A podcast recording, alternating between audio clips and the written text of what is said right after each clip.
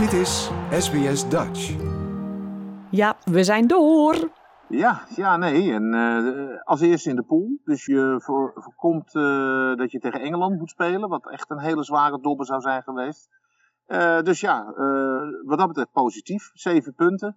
Cody eh, Gakpo, eh, die eh, de wereld versteld doet staan. Met drie wedstrijden, drie keer het eerste doelpunt gescoord. Dus die heeft zichzelf nog meer op de kaart gezet eh, dan eh, daarvoor al het geval was. En eh, daar moeten we het verder maar even bij laten. Want qua spel hield er nog steeds iets over. En degene die vooral heel positief was na afloop, was Louis Vergaal zelf. Die eh, wel met een tactische analyse kwam.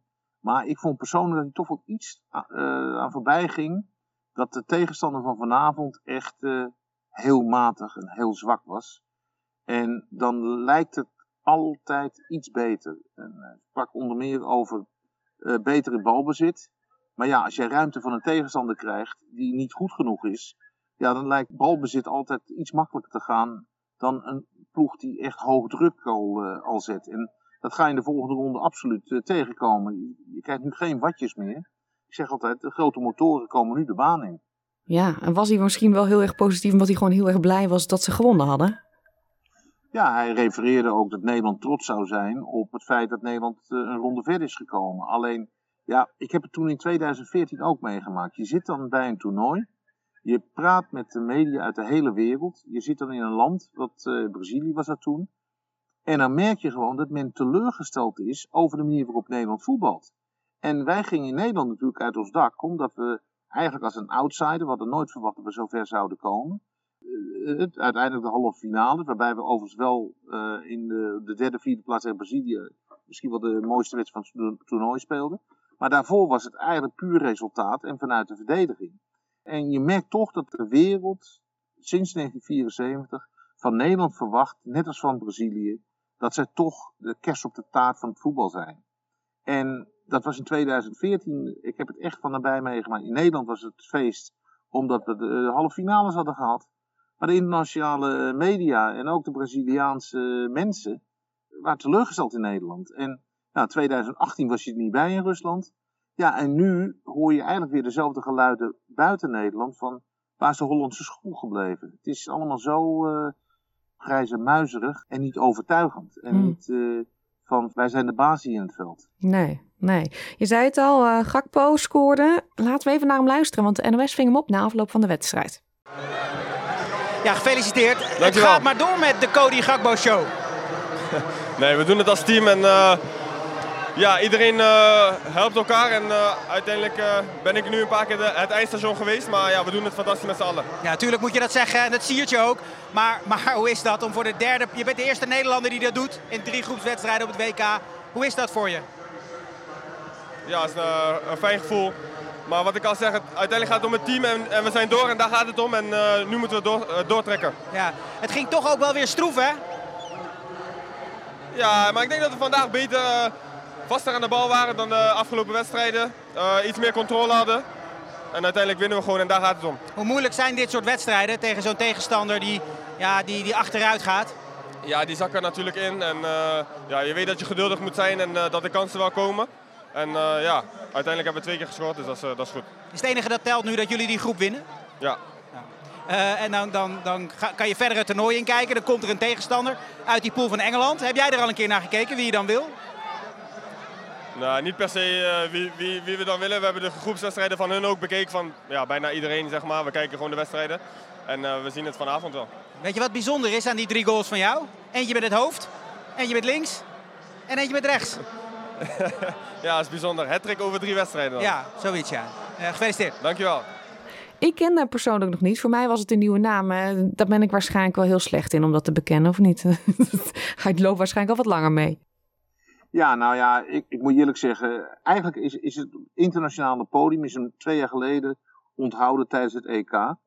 Van de zomer, ook om- omdat hij het eind van het voorseizoen heel goed gespeeld heeft, was er van de zomer heel veel belangstelling voor hem. Waardoor hij eigenlijk in de aanloop naar het seizoen, ook met de kwalificatie voor de Champions League tegen Monaco en de Glasgow Rangers, kon toch zien dat hij in een nieuwe fase van zijn carrière terecht was gekomen. Dus dat hij mentaal, met alle druk om hem heen, dat hij daar, eh, dat hij daar moeite mee had en eigenlijk onder zijn niveau bleef. Maar nu Ja, hij heeft weer een stap gemaakt. Hij heeft ervan geleerd.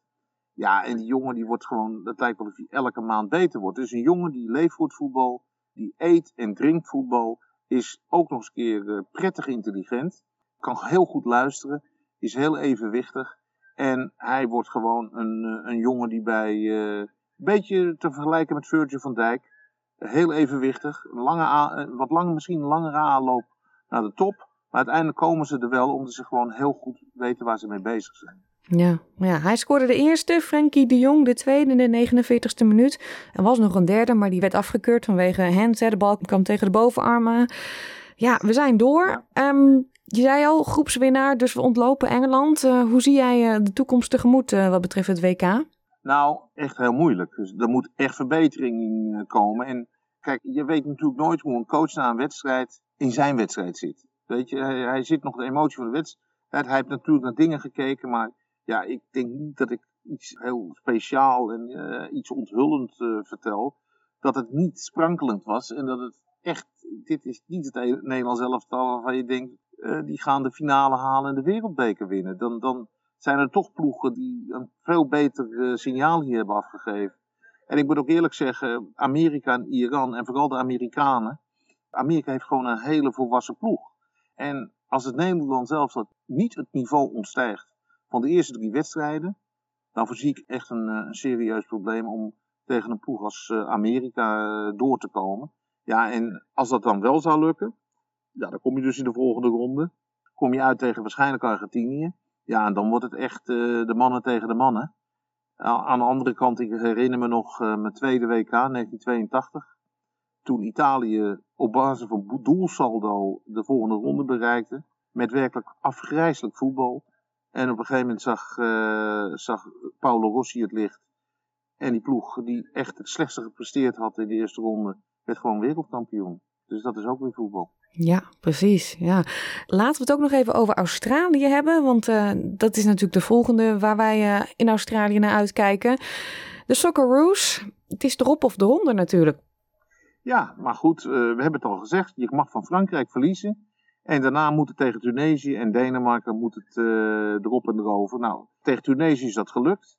En ja, nu wachten de Denen. En ik moet je eerlijk zeggen, ik vond Denemarken tegen Frankrijk, ze maakten er wel een echte wedstrijd van. Maar met de Australische mentaliteit en ook weten dat er nu wat te halen valt, heb ik toch iets van, uh, ja, ik heb goede hoop dat de Socceroos verder gaan komen. En het zou geweldig zijn voor Graham Arnold met zijn Nederlandse roots. Eh, als oudspeler van, uh, van diverse e eredivisieclubs, onder andere van NAC Breda. Van René Meulensteen, zijn assistent. Maar ook van adviseur Guus Hiddink. Het is toch een mooie Hollandse groepje geweest wat, wat Australische voetbal de goede kant van dit WK heeft opgeduwd. Ja, als dat beloond zou worden, zou, uh, ja, zou toch een klein beetje leuke Hollands glorie kunnen zijn. Ja, precies. Meer Hollands glorie. We gaan het even over jou hebben, Jaap. Want dit is jouw twaalfde WK waar je bij bent. En jij bent in het zonnetje gezet door de FIFA. Je kreeg een onderscheiding uit handen van tadada, Ronaldo. Ja, de, de dikke, dikkere versie van Ronaldo. Hè. We zien nu uh, hier tijdens het WK de, de, afgetrainde versie, die speelt voor Portugal. Maar ooit in 2002 was er ook een afgetrainde spits bij Brazilië, die de Brazilianen naar de wereldtitel uh, loodste. Ja, daar is de Joker nu op ingezet. Die is twee keer zo breed als hij toen was. En uh, nou, dat was wel heel leuk, want ik, ik werd wel redelijk verrast dat bij een ceremonie vandaag hier in Qatar in Doha. En ja, werd ik naar voren geroepen om een onderscheiding te ontvangen. Voor het feit dat dit mijn twaalfde WK was. En dat was heel leuk. Dat, uh, daar kwam dus achter het podium Ronaldo vandaan. Die mij de, ja, een kleine kopie van de wereldbeker overhandigde. En in echt goud natuurlijk. Model, maar echt, een, uh, echt goud. En, en hij was lood en loodzwaar. Dus het, ja, het was, was een mooie verrassing. En het was ook leuk dat Ronaldo me in het Nederlands toesprak. Dus dat was, uh, was ook heel bijzonder. En heel leuk. Dus het, uh, ja, mooie herinnering. En ja, ik ben er wel blij mee. Ja, 12 WK's. Wat is dan de leukste waar je bij bent geweest? Um, nou, kijk, de eerste maakte de meeste indruk. Dat was Argentinië. was ook natuurlijk een WK, net als in Qatar, wat ook politiek beladen was. Dus dat heeft wel heel veel indruk gemaakt. Maar als ik echt ga kijken van, van heel gek, maar het zijn, het zijn toch de WK's waar Nederland niet bij is geweest. Omdat je dan het toernooi heel anders beleefd. Je ziet veel meer wedstrijden. Je hebt veel meer tijd om uh, met de plaatselijke bevolking en met collega's, maar ook met het land zelf bezig te zijn. En dan kies ik toch als nummer 1 toch uh, Mexico 1986. Het was Nederland niet gekwalificeerd. Het was het toernooi van Maradona. Ik uh, gokte toen goed, want ik ging toen vanaf de eerste wedstrijd ging ik Argentinië volgen en Maradona. Die ik toen ook uitgebreid geïnterviewd heb. En, ehm, was dat ja, het toernooi nee, dat van het, toen de, de eh, hand van God ook? de, de hand van God, ja. De collega Thea Rijtsma die dat in één keer goed zag. En ik, zat, ik, trouwens, ik was bij die wedstrijd. Ik zag het overigens niet in één keer. Het was in het Aztekenstadion tijdens uh, Argentinië-Engeland. Ik ben ook van, daarna door 1986 van Mexico gaan, gaan houden. En als ik even de kans krijg met de Formule 1 of met het voetbal of wat dan ook. Dan keer ik altijd graag terug in uh, Mexico, Mexico City, Guadalajara, Querétaro, noem maar op. Een prachtig land. Dankjewel Jaap. Uh, we spreken jou uh, zaterdag weer in de uitzending. Helemaal goed. Like, deel, geef je reactie. Volg SBS Dutch op Facebook.